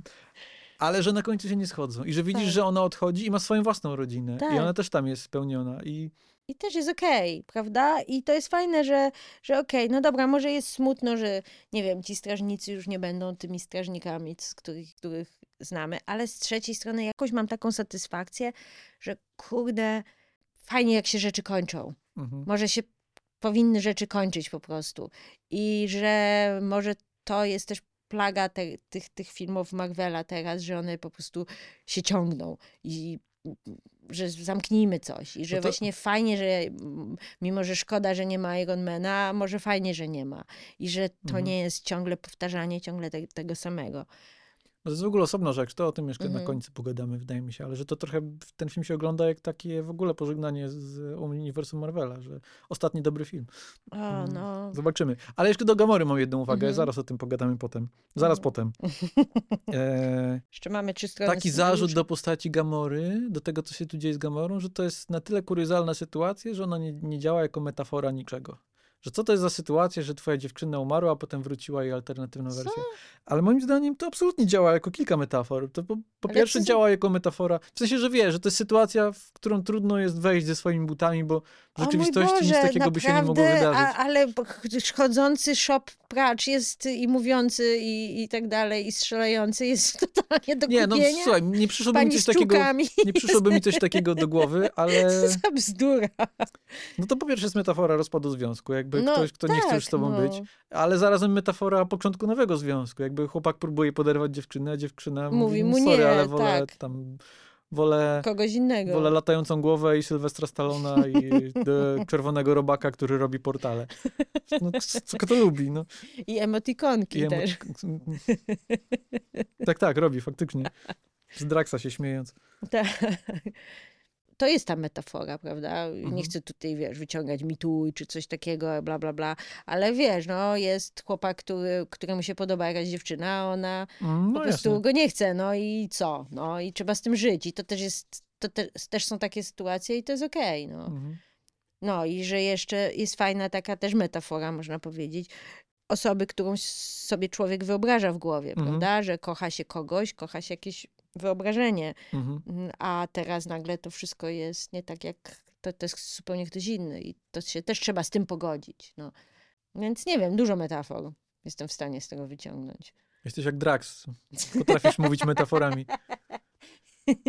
Nic nie przelatuje mi nad głową. Wszystko złapię. Dobra, to czarny charakter. E, Czarny charakter. Wielki ewolucjonista. Dobrze to przetłumaczyli. High evolutionary. Nie wiem, jak inaczej mieliby to przetłumaczyć. Wysoki ewolucjonista? Wys- tak sobie myślałam o nim, że jest okej dla Mhm. mnie. Znaczy, fajnie, ekstra. Fajny aktor, lubię go. Jest creepy, jest, jest straszny. Czy go zapamiętam na wiele, na, na, na, na lata? Pewnie nie. Nie wiem, ale wydaje mi się, że to jest złe kryterium. To Znaczy, on działa w filmie. właśnie o to chodzi. On jest absolutnie funkcjonalny, absolutnie pełni rolę, jaką powinien pełnić i wiesz, nie każdy musi być Thanosem. A, a przypomnijmy sobie Ronana z pierwszego filmu, który... Kogo? No właśnie. Także po pierwsze, ja bardzo lubię Lee Pace'a. Lee Pace jest moim zdaniem niewykorzystanym aktorem. I bardzo podobał mi się wygląd Ronana. Ronan był Mhm. świetnie, świetnie z tą jego taką twarzą, z tymi barwami On wojennymi. wyglądał jak, zj- jakby zjadł jakiś atrament, nie? To, to, tak, Tak. wyglądał. Dokładnie o to chodziło. W to celował James Gunn. No ale na poziomie jakby postaci to nie bardzo nawet wiadomo, co on chciał, poza tym, że No. chciał zdobyć kamień nieskończoności i zniszczyć Nie, świat. no chciał tam, tak, tak, tak, zniszczyć. Nie wiadomo nawet dlaczego. Wiesz, nie każdy czarny charakter musi mieć patos. Musi być postacią zniuansowaną, pogłębioną jak Magneto albo Thanos. Wystarczy, wystarczy czarny charakter, który ma swój plan, jest jakoś... Wiemy o co mu chodzi, wiem, że jest zły i powiem ci tak, em, dawno nie było takiego wilana, którego tak bardzo chciałem skrzywdzić jak tego. No ale bo krzywdzi zwierzątka. No tak, no, ale w- kto- o to chodzi, nie? i Świnia. Kiedy na końcu wszyscy strażnicy po prostu się zbierają i I dają kopią. mu to, na co zasłużył, Tak. to Tomasz jest. No tak, to jest prawda. i To nie tak, że promuje przemoc czy coś, nie, ale wiadomo co nie, chodzi. promujesz, ze, promujesz Payoff- zemstę. Setup i payoff, no. Setup i w payoff. Fajnie to, fajnie to zrobili z tym Rocketem, że jakby on do, dołącza do, do drużyny w trzecim akcie, prawda? Mhm. I ma to zderzenie się z tym swoim głównym przeciwnikiem. To znaczy, Mhm. że osobista, sta- znaczy jest osobiste połączenie między Mhm. naszym bohaterem i, i, i czarnym charakterem. Przez to stawki są większe, przez to naprawdę go nie lubimy. No, przypomnę. Tutaj e, ostatni sezon Gry o Tron e, i jakieś po prostu dziwne, dziwne sytuacje z Night Kingiem, Mm. które, których, o których chcemy zapomnieć i Tak jak teraz- to można wszystko schrzanić. I teraz sobie pomyślałem, że dobrze też, że on y, nie jest tak jak to zwykle Marvela, nie jest y, mrocznym odbiciem naszego bohatera, Mhm, bo Tak. nie jest złym shopem. No to wiesz, no można powiedzieć, no jest geniuszem, ale nie jest... e, Ale też też fajne tematy o tworzeniu i bawieniu się w Boga z Mhm. jednej strony, Mhm. z drugiej strony ma się, mam trochę poczucie, że to jest trochę takie religijne, prawda? Tu masz ten, ten Mhm. motyw nieba, prawda? Czy Mhm. jakiegoś zaświatu, czy jakiegoś takiego miejsca, gdzie nie wiem, czy to jest jakaś śmierć kliniczna, którą przeżywa Rocket. Właśnie to jest o tyle że niebo, czy możemy to na dwie strony Tak. interpretować, że to mu się mogło Mm, przewidzieć. No, A może trafił do nieba, a może do Walhalli. nie wiadomo, gdzieś Pewnie jest trafił. wiele nieb Tak. w uniwersum Marvela. Tak, ale, ale jest, coś, jest coś takiego fajnego. Twórca i tworzywo, jakby ta relacja jest też eksplorowana, prawda? Że tutaj on nagle stwarza coś, co jest lepsze niż on, Mhm. prawda? I jak sobie z tym można poradzić, i że Mhm. to jest problem jednak, prawda? Mhm. Że czyjeś ego nie jest w stanie tego udźwignąć. Też mi się podoba takie, to jest takie proste może myślenie ze strony Gana, ale myśli sobie, okej, wielki ewolucjonista, ewolucja, ewolucja. Jakby tutaj podziałać tematycznie? I myśli, a Kubrick, a Odyseja Kosmiczna, film o ewolucji. I tutaj też mamy jakby antyodyseję w Tak. pewnym sensie. No tak, To, tak, to zaraz tak, pociągnę ten wątek, bo jeszcze mi się skojarzyło tylko a propos tego bycia takim wilanem, który żuje scenerię, też tak to Mhm. się mówi po angielsku. To, to jest fajnie. Wydaje mi się, że nie było dużo takich wilanów w, w uniwersum Marvela. Przynajmniej, którzy by działali tak dobrze jak, e, jak ten tutaj, bo ten Chukwudi Iwuji, który gra e, ewolucjonistę, on wystarczająco dużo daje takich niuansów, manieryzmów, jakichś takich ekscentryzmów tej postaci, że on Mhm. jest jakiś. To nie jest tak, że on nie jest nijaki. On Nie, absolutnie Nie jest, on jest jakiś. to nie jest postać tragiczna, jak mówię, jak Magneto albo Thanos. No, To jest to po prostu facet, który podkręca wąsa i ma, ma tak, złą, znaczy- zły plan. tak, jak mówi, tak jak mówiłam, jest okej, jakby działa na, jakby działa na pod... Okej, inaczej powiem, jest najlepszym vilanem z serii e, Strażników. Strażników, bo ja nie, nie byłam fanką Igo. e, Igo, nie, nie, nie. nie. Coś, coś tam było nie halo z Igo, plus za bardzo właśnie wszystkim e, tłumaczył swój plan, jakoś tak, jakoś, jakoś to było takie głupie. Mhm. Nie wiem, nie lubię jak wilani tłumaczą swój plan, a tutaj bardzo fajnie jest to rozegrane, prawda? Jest ta scena, gdzie, gdzie y, ewolucjonista tłumaczy swój plan, a, a który nie obchodzi. Nic mnie to nie obchodzi, Mhm. tak jest.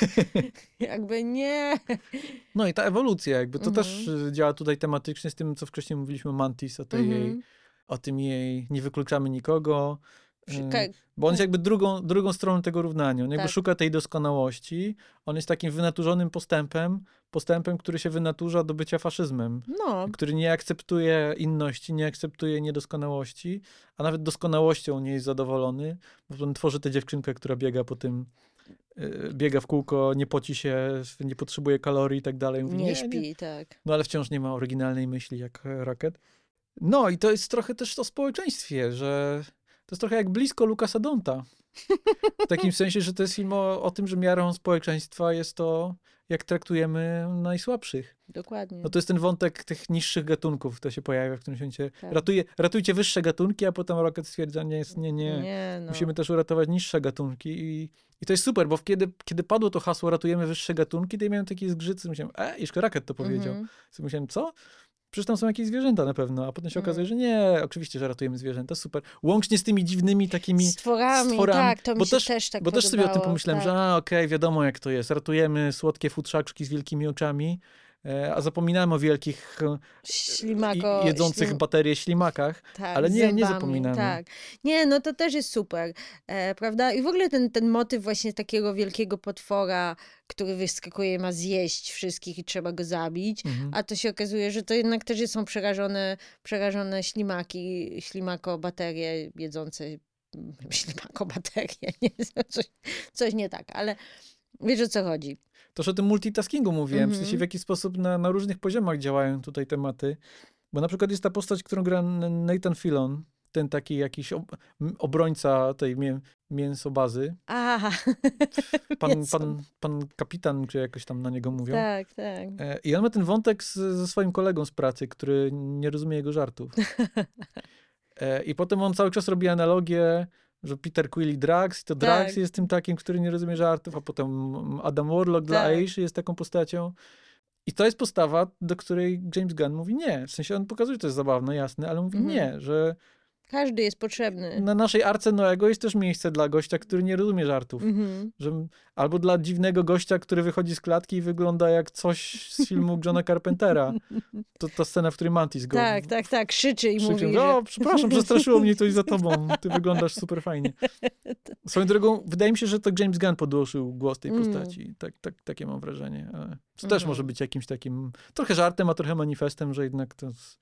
Mhm. otwieramy też arkę dla, dla, dla wszystkich Dla prostu. wszystkich, no nie, no to, to jest właśnie fajne i że tak jak się popatrzysz na tą planetę Nowhere, czy tę głowę Nowhere, czy Mhm. co to w ogóle jest, Mhm. stacja kosmiczna chyba teraz, prawda, tam naprawdę mieszkają wszyscy, przecież tam jest ten dziadek z brwiami Tak, z tak, tak, pierwszej gra w części, gra w karty, Howard też jest- tak, też jest takie fajne, że teraz jest jakieś Mhm. takie, takie miasto, które jest miastem uchodźców w pewnym sensie i że Mhm. teraz są tam dzieci, zwierzęta i wszyscy, którzy potrzebują schronienia i że to jest super, tak. Ale to też fajne, że. Bo to ktoś może powiedzieć, że o, jakie to jest y, czułostkowe i utopijne, i o, bądźmy wszyscy razem, trzymajmy się za ręce i tańczmy do piosenek.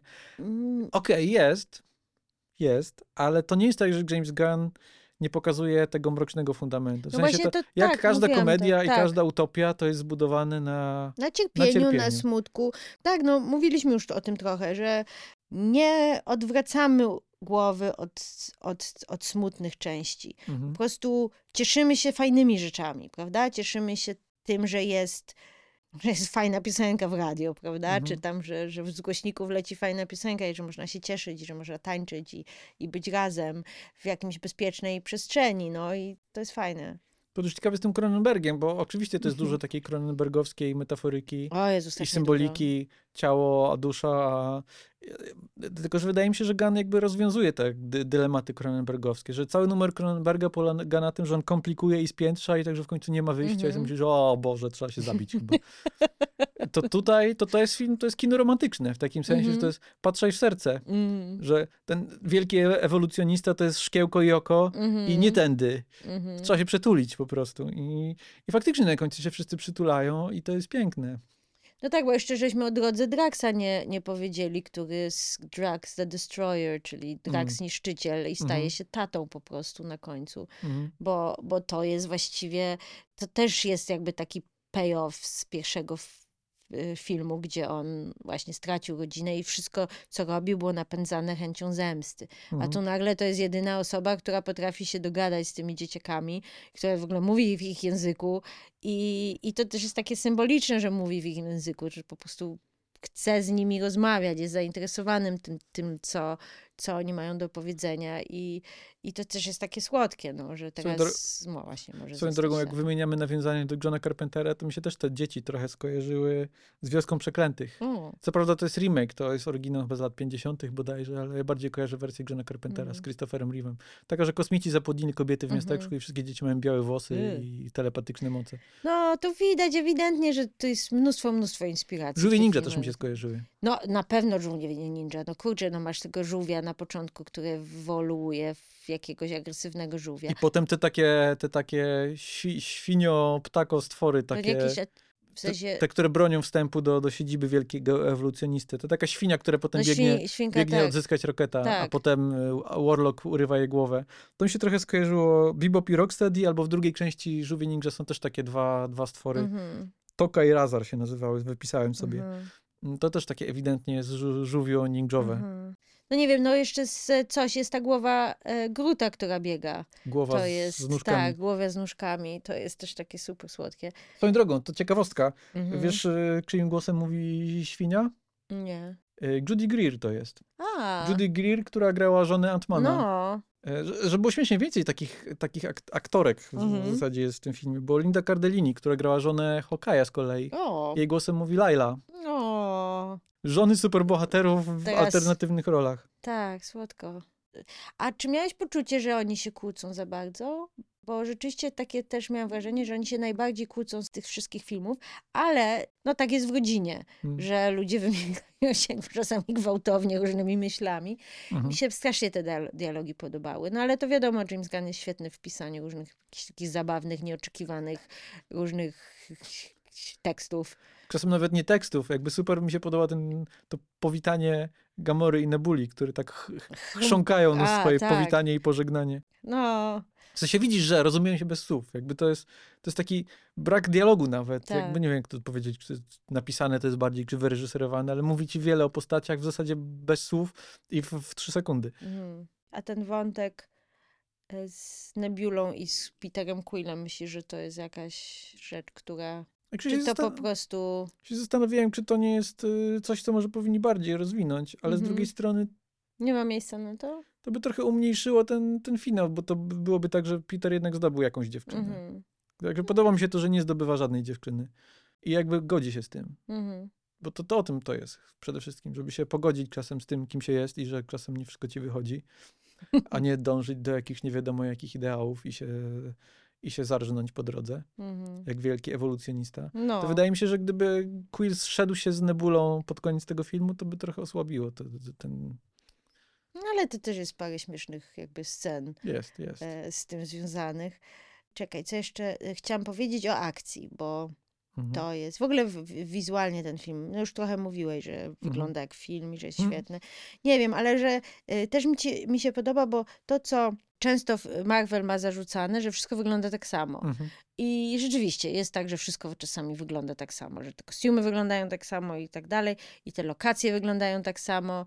A ja tutaj miałam wrażenie, że każda z tych jakby lokacji, których, do których oni przyjeżdżają, czyli mięsne, mięsne laboratorium, jest zupełnie inne niż te przedmieścia, prawda, które, do których też przyjeżdżają, są takie z lat 80.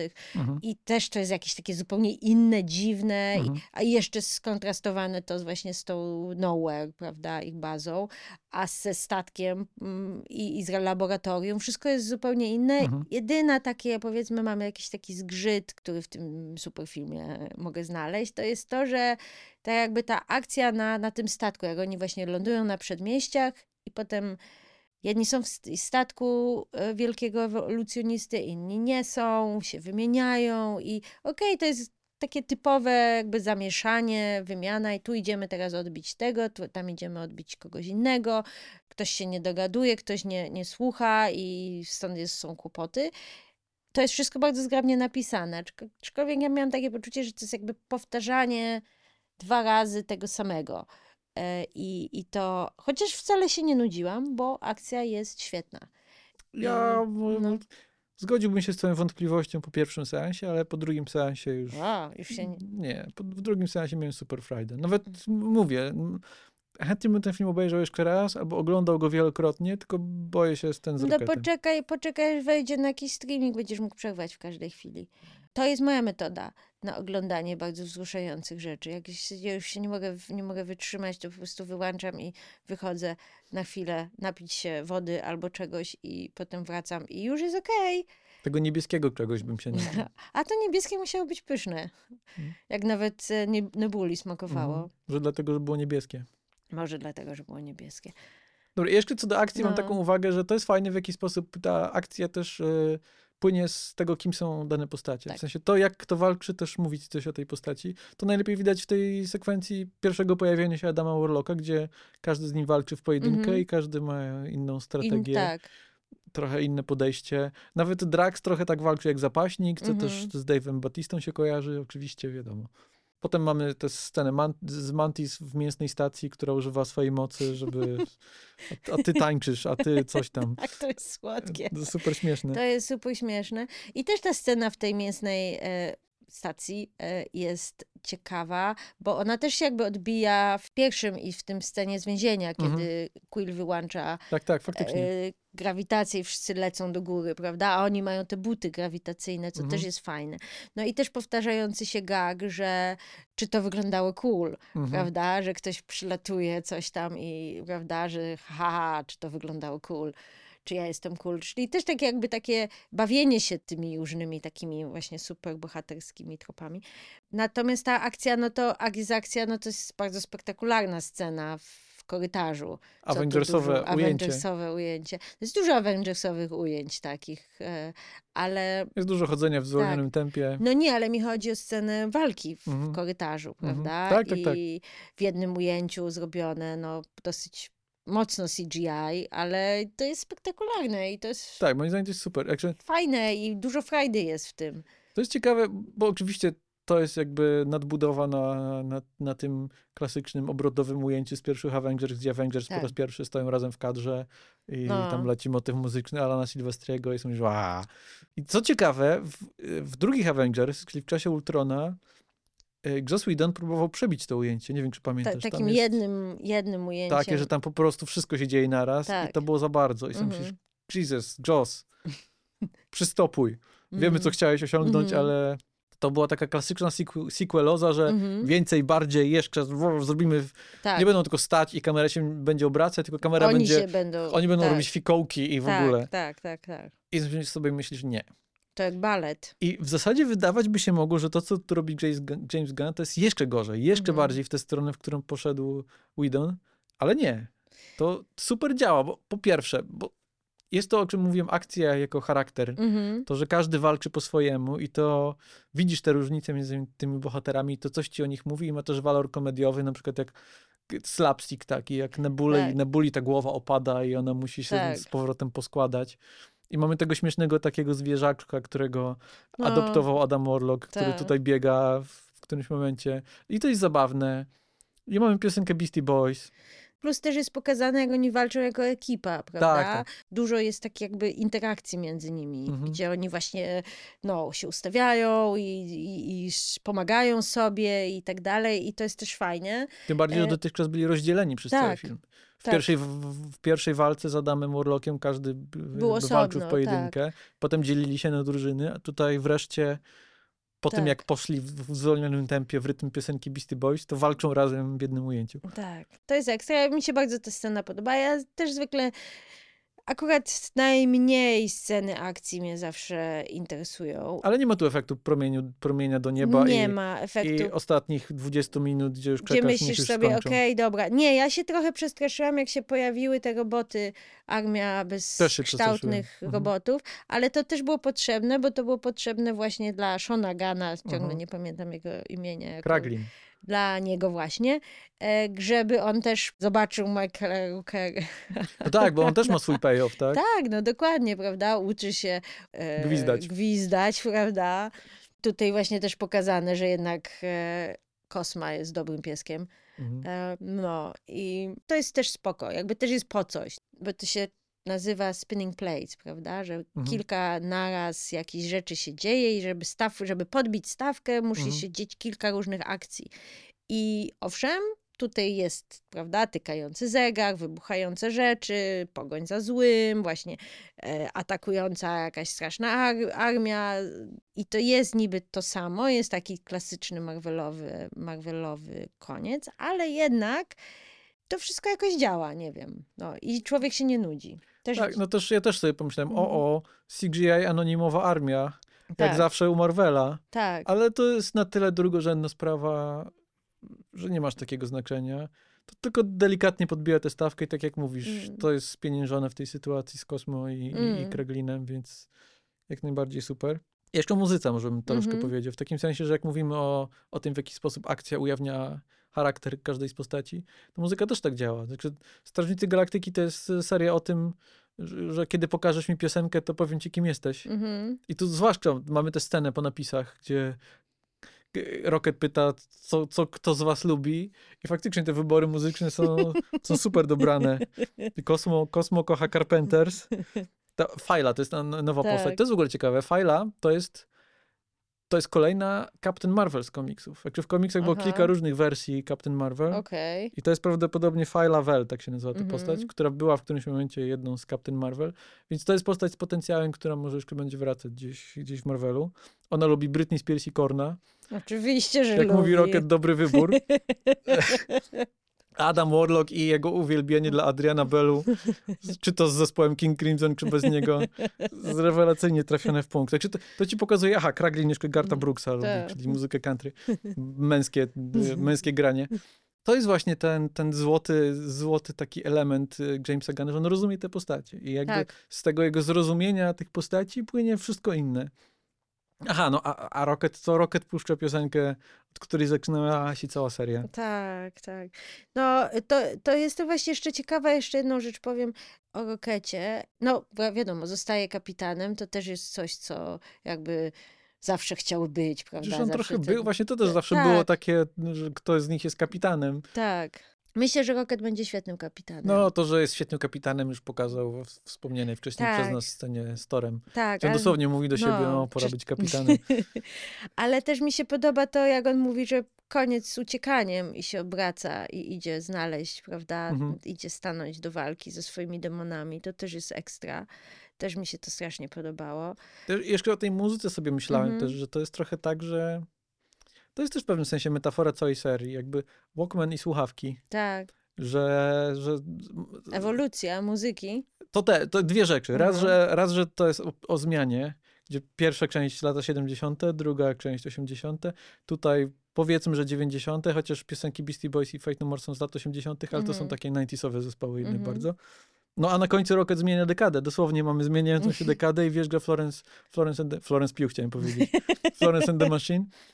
E, ale też w takim sensie, że, że Walkman, Walkman i słuchawki to dobrze oddaje takie napięcie między tym, co się pokazuje światu na zewnątrz, a tym, kim się jest dla siebie. Bo słuchawki Tak. służą do tego, żebyś odciąć od świata i być sobie samym w tłumie.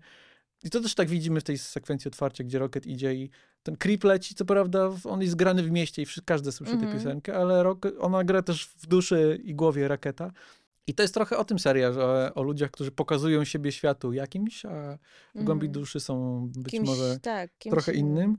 I też, tak jest też trochę z Jamesem Gunnem, z tym, o czym wcześniej mówiliśmy, że ludzie go widzą tylko jako takiego reżysera od y, żartów o siusiakach, a jak tam podrapać, to tam więcej się dzieje, Mm. wydaje mi się, w tej serii. Jeszcze sobie myślę, że to, co Laila mówi no, w, tej, w tej jakby niebie śmierci klinicznej rak- do Raketa, to jest jego historia przez cały czas. I tak Mhm. się zastanawiałam, czy rzeczywiście to jest jego historia przez cały czas. Czy, Mhm. czy no wiadomo, że czy, Ja czy to powiem, jest po prostu... To jest no, linijka dialogu, z którym mam problem. mm, Zaraz ci powiem dlaczego. no, słucham cię. Dlatego, dlatego wybieram interpretację tej sceny jako wyobrażenie Roketa, że to nie jest żadne niebo, do którego on Mhm. trafia, tylko on po prostu... Ewentualnie Laila mówi mu to, co on musi usłyszeć, bo Mhm. Nie podoba mi się, że ktoś, kto został okrutnie zabity, mówi, jakby godzi się na to, że został okrutnie zabity. Bo to trochę Aha. tak brzmi, że a, to była twoja historia, ja mogłam zginąć. W sensie, tak można zinterpretować to, Mhm. co ona mówi. I to nie brzmi fajnie. Ale fajniej już brzmi to, że on, ona mówi mu to, co on musi usłyszeć po prostu. Ale czy to nie jest też tak, że ona po prostu, że każdy ma swoją historię? to też, Rozumiesz, tak. każdy jest bohaterem swojej Tak, to historii. trochę jest o tym prawda? jakby pogódź się ze sobą, jakby Tak. zaakceptuj samego siebie. Tak, też jesteś, tak. jesteś wart. Jesteś ważny. Jesteś siebie warta. Tak. Nie, no bo jest też, jest też e, te, to o tym, że ręce, które stworzyły i ręce, które kierowały rękoma, prawda? Czyli Mhm. też jakby tak jakby trochę boska tutaj jakby inter, interwencja czy sugestia, że to jakieś, Mhm. jakieś większe przeznaczenie, ale też mi się wydaje, że to jest to, że po prostu nie wiadomo dlaczego coś się dzieje, Mhm. prawda? Że ktoś coś robi, ale jak to opuszcza nasze ręce, to już, to już jest jakby swoim bytem i to jest też to, co, co myślę sobie o tym Rokecie i wielkim ewolucjoniście, że on po prostu nie potrafił y, pogodzić się z tym, że st- stworzył coś, co jest mądrzejsze od niego, prawda? Mhm. I, i, i nie potrafił tego puścić, Mhm. prawda? I że może to jest też coś, co jest też tematem tego filmu, że osoby, które się kocha, Mhm. czy albo nie kocha, ale powiedzmy, że się kocha, bo to o to, o to chodzi, Mhm. to są osobne osoby, prawda? Tak jak na przykład z, go, z Gomorą, prawda? Mhm. I że też trzeba to puścić, puścić tych, tych ludzi i pozwolić im żyć własnym życiem. No i to też oczywiście ma taki metawymiar, Mhm, tak? tak. Że to jest seria Starożytnicy Galaktyki, to była seria o Rokecie przede wszystkim. No, no. Ale też może James Gunn do nas to mówi, jakby papa, Hmm. teraz od, każdy idzie w swoją stronę, było fajnie, ale... No to Ale ja bym o tym się- papa teraz porozmawiał, tak. bo to, tak jak już wcześniej powiedziałem, Mhm. to trochę brzmi jakbyśmy się żegnali z uniwersum Marvela i mieli tak, że e, to już nie będzie dobrych filmów. Niechcący tak wyszło, ale tak wyszło. E, tak jak mówię, to, to jest jeden z lepszych filmów Marvela moim zdaniem. No, E, co tylko potęguje fakt, że ostatnio było tych kilka niezbyt udanych filmów Marvela, ale to też fajnie działa jako trylogia. Znaczy, ja, ja tak na, na gorąco nie jestem w stanie sobie przypomnieć drugiej trylogii, która by była tak dobrze domknięta. Filmowej. Znaczy, To na pewno jest najlepsza trylogia z Ale w trylogii sensie, w Marvelowskiej. sensie Marvel, o, mówisz o Marvelu? nie, mówię o trylogiach w ogóle. Ojciec Chrzestny. Nie, Generalnie, ty, ty, miał okropny generalnie problem z, trylogia, z trylogiami polega na tym, że słabo się kończą. Znaczy, okej, jest na przykład Toy Story 3. Zawsze No jak tak, mówimy, ale- że trzecie części są słabe, to trzeba powiedzieć Toy Story 3. No ale Zresztą potem jest Kapitan Toy Story Ameryka... 4. No okej, ale z, na poziomie trylogii było spoko. Ale to, co przeważa nasz, korzyść na szale Strażników Galaktyki 3, to jest moim zdaniem to, w jaki sposób ten film świadomie domyka całą serię. Mhm. Jakby to mówiliśmy o tych set, No se- tak, setupach tak, i tak, payoffach, tak, tak. że on wprost jakby domyka klamrę, że to nie jest tak, że to jest trzecia część, która jest dobrym filmem, tylko to jest trzecia część, która świadomie zamyka drzwi po prostu. Mhm. Jakby tematyzuje to, że kończymy, zamykamy, cześć. że już nie będzie tych bohaterów. No nie, no bo tak jak się popatrzymy na Marvele, prawda, że był Kapitan Ameryka, był Iron Man, no niby Thor miał cztery filmy, więc to też jest co innego. No ale okej, To mówmy się, się że nawet, te, że nawet te serie, które miały więcej niż trzy, to wciąż Mhm. na którymś etapie były trylogiami. Tak. Tylko Kapitan Ameryka ma podjazd, moim zdaniem, jeśli chodzi o trylogię No tak, tylko że widzisz, Kapitan Ameryka niby ma podjazd, ale od tego się dalej, on dalej jest, prawda? To znaczy wi wiadomo, to nie wiadomo, mo- może no tak, te wszystkie może bohaterowie... skąd wiesz, czy Strażnicy Galak- Galaktyki 4 nie powstaną nie za pięć lat? powstaną za pięć lat. No tak, tak. No może powstaną, może nie powstaną. Nie, nie wiem tego na ten moment, prawda? E, Jednak e, Kapitan Ameryka ostatni się kończył i było wiadomo, że, że będzie Thanos i będzie Mhm. dal, dalsze jakieś, że ten Kapitan Ameryka powróci. Niby Mhm. tutaj też jest napis na samym końcu, że Star-Lord powróci. No ale Mhm. Czy on powróci, nie wiem, może to, co przeważa tutaj, to jest to, że właśnie znowu wrócę do Jamesa Gana, że to jest ktoś, że to jest jeden autor, który Mhm. czuwał nad tym Tak. i miał na tyle siły jakiegoś własne, własnego jakiegoś stylu i własnej jakiegoś przebicia, żeby to się przebiło przez ten mar- Marvelową, jakby taką, nie wiem, galaretę, Mhm. prawda? I że potrafił tam wystarczająco dużo fajnych rzeczy umieścić w tej galarecie, żeby z tego stworzyć e, coś em, fajnego. Ja się tak zastanawiam, bo ja sobie porównywałam tą ostatnią część do pierwszej części się zastanawiałam, która jest lepsza. Jednak mi się wydaje, że ta jest lepsza, Tak. e, bo jednak w pierwszej części był ten Wilan był gorszy Mhm. i też było dużo jakiegoś takiego dziwnego zamieszania w stylu, e, bo sobie powtórzyłam teraz przez weekend e, pierwszych strażników i tam było dużo jakiegoś takiego zamieszania, że, że tu jest Thanos, który nic nie robi, tu jest jakaś, jakiś inny, jakiś dziwny ktoś, tak, który krzyczy na tego Ronana, jakiś, że jest jakiś taki brud, że za dużo, za dużo jest jakichś takich ruchomych elementów, które do niczego nie prowadzą w tym filmie, które Mhm. oczywiście robią setup do następnych filmów.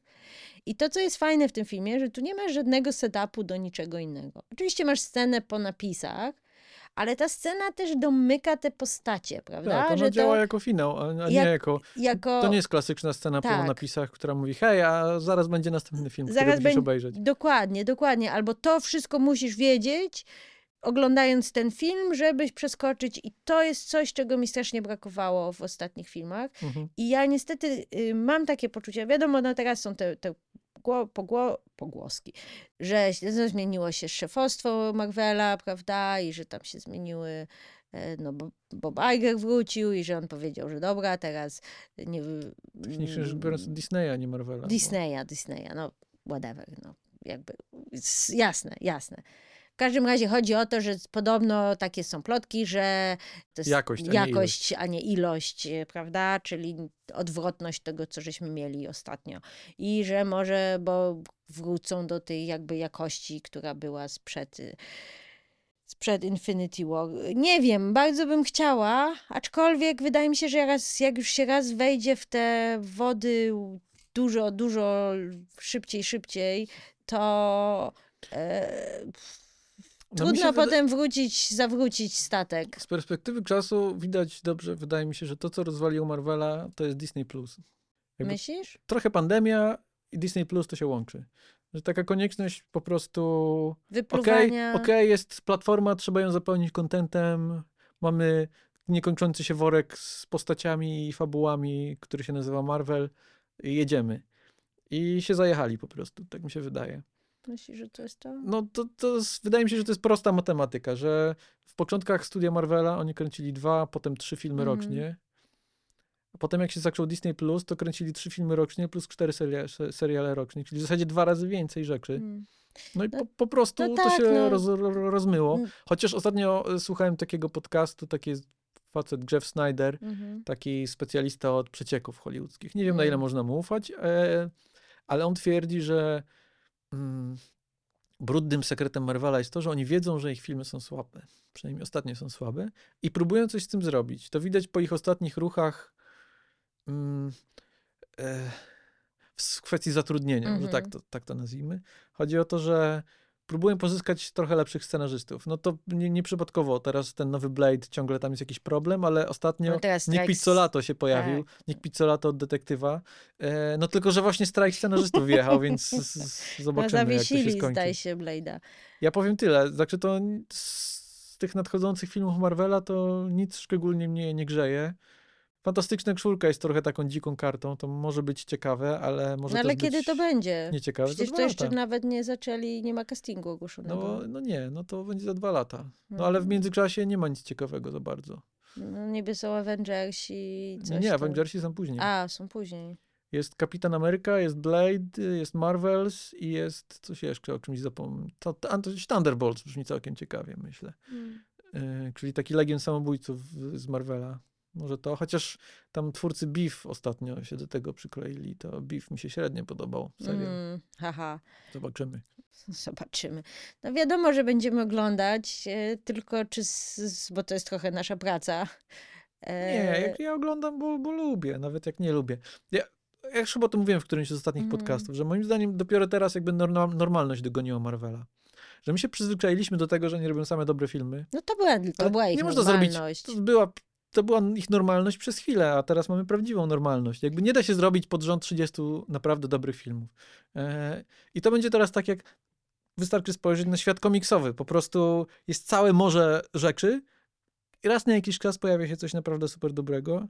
I tak to będzie z filmami Marvela, wydaje mi się, od teraz. I możemy, możemy się na to obrażać, możemy płakać, możemy nie oglądać tych filmów, możemy dobra, pisać wredne komentarze raz- i jeszcze- pisać wredne recenzje i nagrywać okrutne podcasty. Dobra, ale A możemy się do tego przyzwyczaić po prostu i cieszyć się, kiedy pojawi się tak dobry film jak Strażnicy Galaktyki 3. dobrze, zgadzam się z tobą, ale kiedyś było coś innego. Kiedyś można było wypuścić ileś tam dobrych filmów pod rząd i każdy film, z który wypuszczali, był dobry.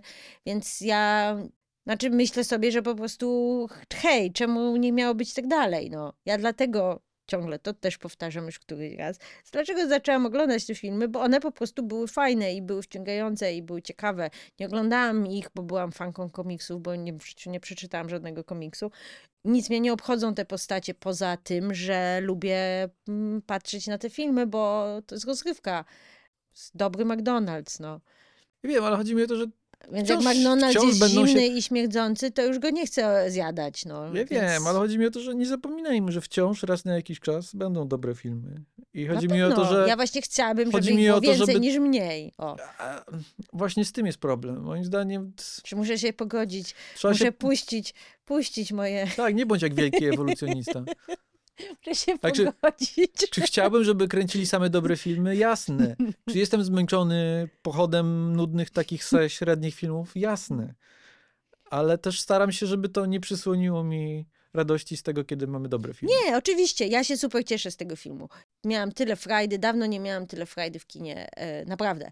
Tyle emocji, tyle wzruszeń, tyle przeżyć i więc cieszę się, że ten film powstał i e, co śmieszne, teraz będę e, Teraz będziesz fanką DC. teraz będę fanką DC.